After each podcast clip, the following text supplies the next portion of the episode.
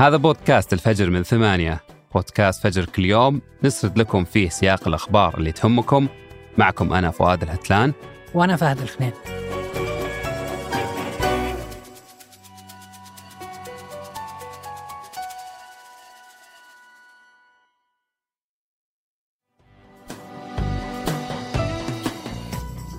قبل 32 سنة من اليوم وبالتحديد في يناير 1991 بدت أكثر من 35 دولة بقيادة السعودية وأمريكا عمليات عاصفة الصحراء بالكويت عشان تواجه الاحتلال العراقي اللي وصل الكويت قبلها بخمس شهور تقريبا. وبعدها انحرقوا بشكل متعمد أكثر من 730 بير نفط كويتي بهدف إعاقة الرؤية على قوات التحالف الجوية. والبترول اللي علقنا الآبار كلها. البارحه قالوا 350 كيلو. الغيم وده يحد من عملية القصف الجوي. لكن رغم الآثار الكبيرة لهالحرائق ما كانت هي الأزمة البيئية الأهم والأكبر وقتها. لأن بعدها بفترة بسيطة وخلال انسحاب الجيش العراقي من الكويت انسكب أكثر من 11 مليون برميل نفط بالخليج العربي. وهالرقم كبير لدرجة أنها أكثر من إنتاج السعودية اليومي للنفط هالفترة ويعتبر إلى اليوم أكبر تسريب بحري للنفط بالتاريخ And behind the sand dunes, we discovered an environmentalist nightmare. This was the beach at Al Hafji near the Kuwait border. وتسبب هالتسريب أكثر من مشكلة مثل موت آلاف الحيوانات البحرية وحتى الطيور اللي تعتمد تغذيتها على الأسماك تأثرت بعد ما علق النفط بأجنحتها وما قدرت تطير بعدها ويمكن الأهم وقتها خطر تعطل محطات تحلية المياه لو وصل لها النفط واللي تعتمد عليها كل الدول الخليجية. لكن بعد تحرير الكويت قدر تحالف من أكثر من دولة بقيادة السعودية والكويت مواجهة التسريب وحل أكثر المشاكل اللي صارت بسببه. وبعد 24 سنة من هالأزمة وبعد بداية الحرب باليمن في عام 2015 واجهت السعودية خطر أزمة جديدة تشبه اللي صار بعد حرب الخليج اللي هي أزمة سفينة صافر. On the coast, a looming ecological disaster. السيناريوهات كارثة من جميع من جميع جوانبها ستحدث كارثة بيئية على مستوى العالم. خزان متهالك يسهل تآكله انسكاب أكثر من مليون برميل نفط مخزنة داخلة. قصة صافر بدأت قبل 47 سنة من اليوم وبالتحديد في عام 1976 بعد ما صنعتها شركة يابانية عشان تستخدمها حكومة اليمن بنقل النفط. وتسمت بهالاسم على أول مكان أكتشف فيه نفط باليمن واللي هو صحراء صافر بمأرب. ثم بعدها ب 11 سنة ثبتت بمكانها وصارت مخزن عائم للنفط وتوصلت بخط أنابيب تحت البحر. ورغم أنه كان المفترض تطلع من الخدمة بعد حوالي 25 سنة من تصنيعها يعني على سنة 2000 تقريبا لأن استخدامها استمر لين ما بدت حرب اليمن ب 2015 وسيطر الحوثي على ميناء الحديدة وكان فيها أكثر من مليون برميل من النفط. ومن وقتها عمليات الصيانة لها حتى الضرورية توقفت. وهالشيء خلى هيكلها مع الوقت وبالذات مع تأثير الأملاح والحرارة يبدأ يتاكل وتقرب اللحظة اللي يبدأ فيها النفط اللي جواها يتسرب للبحر. وبعد الحرب بسنتين تعطلت كل الأنظمة الداخلية فيها وصارت من وقتها تصنف سفينة ميتة. قنبلة عملاقة عائمة فوق مياه البحر الأحمر. وبعام 2019 وافق الحوثي على تدخل الأمم المتحدة لإصلاح السفينة ثم باللحظة الأخيرة سحب موافقته. لكن بعدها بسنتين ومع تسرب المياه لغرفة المحرك وقرب السفينة من الغرق سوت عليها إصلاحات خفيفة حلت التسرب بس لكن ما عالجت مشاكل هيكل السفينة الباقية. ومع مرور الوقت بدون أي حل للمشكلة زادت المخاوف من الأزمة اللي ممكن تصير بأي وقت. بالذات وأن كارثة تسرب إكسون فالدس اللي صارت بألاسكا ب 1989 وكلفت أكثر من 7 مليار دولار. فيها بس ربع كمية النفط اللي موجودة بصافر. وعشان كذا قالوا علماء البيئة أن لو صار تسرب صافر فبيكون أحد أكبر الأخطار البيئية اللي تواجه الكوكب. وبيتعرض 6 مليون يمني ومليون سعودي لمستويات عالية جدا من التلوث. وغير التأثير على محطات التحلية مثل اللي صار بعد حرب الخليج تقول التقديرات إنها التسرب بيلوث آبار يعتمدون عليها أكثر من 9 مليون شخص بالمنطقة. وباليمن أكثر من 126 ألف صياد بيفقدون مصدر دخلهم تماما أما على بيئة البحر الأحمر اللي من أهم مزاياه تنوع الكائنات فيه فممكن ينقرض أكثر من 900 نوع من الأسماك والشعب المرجانية اللي البحر الأحمر صار آخر موطن لها ممكن تنقرض بسبب التلوث ولو بشكل بطيء وخلال عقود بعد ما يصير التسرب. زيادة على تلوث أكثر من 115 جزيرة بالبحر الأحمر واختلال النظام البيولوجي فيها. ورغم أن ما في تقدير دقيق لحجم الخسائر الاقتصادية اللي ممكن تصير تكلفة تنظيف النفط لحالها لو صار التسريب توصل لأكثر من 20 مليار دولار وبتحتاج العملية لثلاث سنين على الأقل.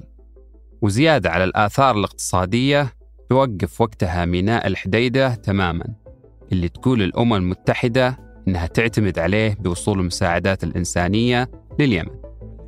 السعودية مجلس الأمن الدولي من أن بقعة نفطية شوهدت على مسافة 50 كيلومترا إلى الغرب من خزان صافر العائم الذي يواجه خطر تسريب مليون ومن بداية الأزمة حاولت أكثر من جهة حول العالم وبالذات الدول المطلة على البحر الأحمر واللي بيوصلها الأثر الأكبر من التسرب لو صار إنها تحل المشكلة.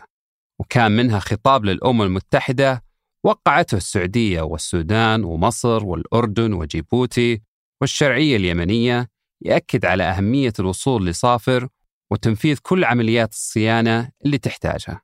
واستمرت هالمحاولات بدون أي نتيجة بسبب التعنت المستمر ورفض الحوثي لأي إجراء يحل الأزمة. إلى ما وصلت الأمم المتحدة لاتفاق مع الحوثي بنهاية 2020 لبداية عمليات الاستطلاع والمعاينة بأول شهور السنة الجديدة 2021 ومباشرة بعدها أقامت الأمم المتحدة مؤتمر بهولندا عشان تجمع التمويل اللازم لنقل النفط اللي بصافر لسفينة ثانية بديلة.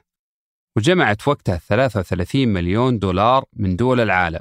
كانت 10 مليون منها من السعودية.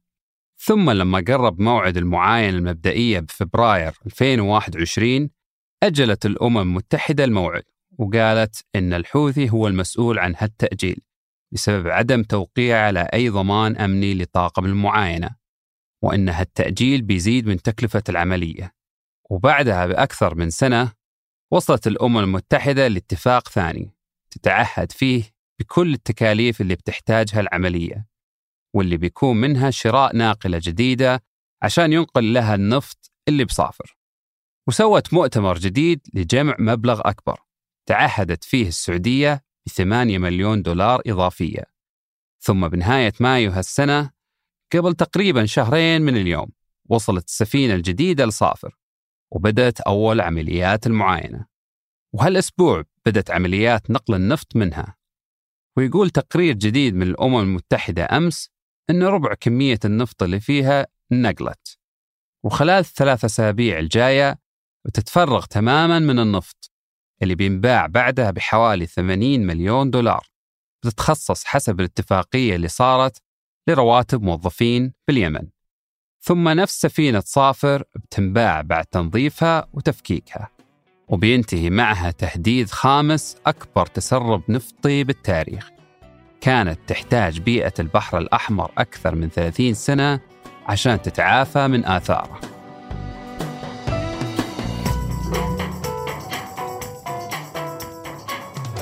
وقبل ننهي الحلقة هذه أخبار على السريع.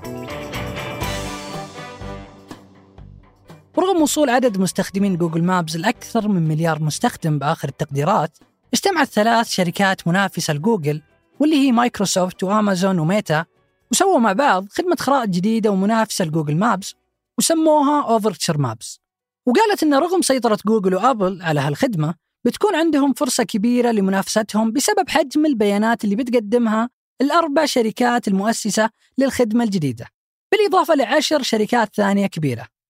وهالأسبوع أطلقوا النسخة الأولى من الخدمة وكان فيها 60 مليون مكان وأكثر من 780 مليون مبنى حول العالم.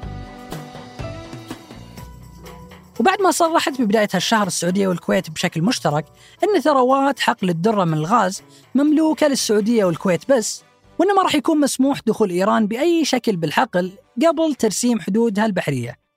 يقول وزير النفط الكويتي بتصريح جديد هالأسبوع أن الكويت بتبدأ عملياتها بالتنقيب والإنتاج بالحقل بدون ما تنتظر ترسيم الحدود مع إيران. وبتبدأ تستغل حصتها من ثروات حقل الدرم الغاز اللي توصل لأكثر من 220 مليار متر مكعب. وهالأسبوع أعلنت الإمارات عن إيقاف مؤقت لتصدير وإعادة تصدير الأرز لمدة أربع أشهر وأن أي شركة تحتاج تصدره بعد استيراده من الهند تحتاج تاخذ تصريح من وزارة الاقتصاد. ويجي هالقرار بعد قرار الهند الأخير بحظر تصدير كميات كبيرة من الأرز بسبب ارتفاع سعره بسوقها مع المشاكل اللي واجهت زراعته بسبب التغيرات المناخية اللي تمر فيها الهند. وحسب المحللين بيقلل قرار الهند الأخير من العرض بسوق الأرز وهالشيء بيأثر بأسعاره حول العالم. وبعد سلسلة توترات بين أمريكا والصين بسبب تايوان واللي وصلت ذروتها مع زيارة متحدثة مجلس النواب السابقة نانسي بيلوسي لتايوان قبل حوالي سنة من اليوم. أعلنت أمريكا أمس ولأول مرة عن إرسالها أسلحة وبشكل مجاني لتايوان. وصلت قيمتها لأكثر من 340 مليون دولار. بنفس الطريقة اللي دعمت فيها أوكرانيا من بداية الحرب بينها وبين روسيا السنة اللي راحت. وهذه ما هي أول مرة توصل فيها أسلحة أمريكية لتايوان. بس قبل كانت تكون ضمن صفقات تجارية مدفوعة. وهالقرار الجديد صار ممكن بعد موافقة الكونغرس السنة اللي راحت على خطة دعم عسكري بأكثر من مليار دولار لتايوان.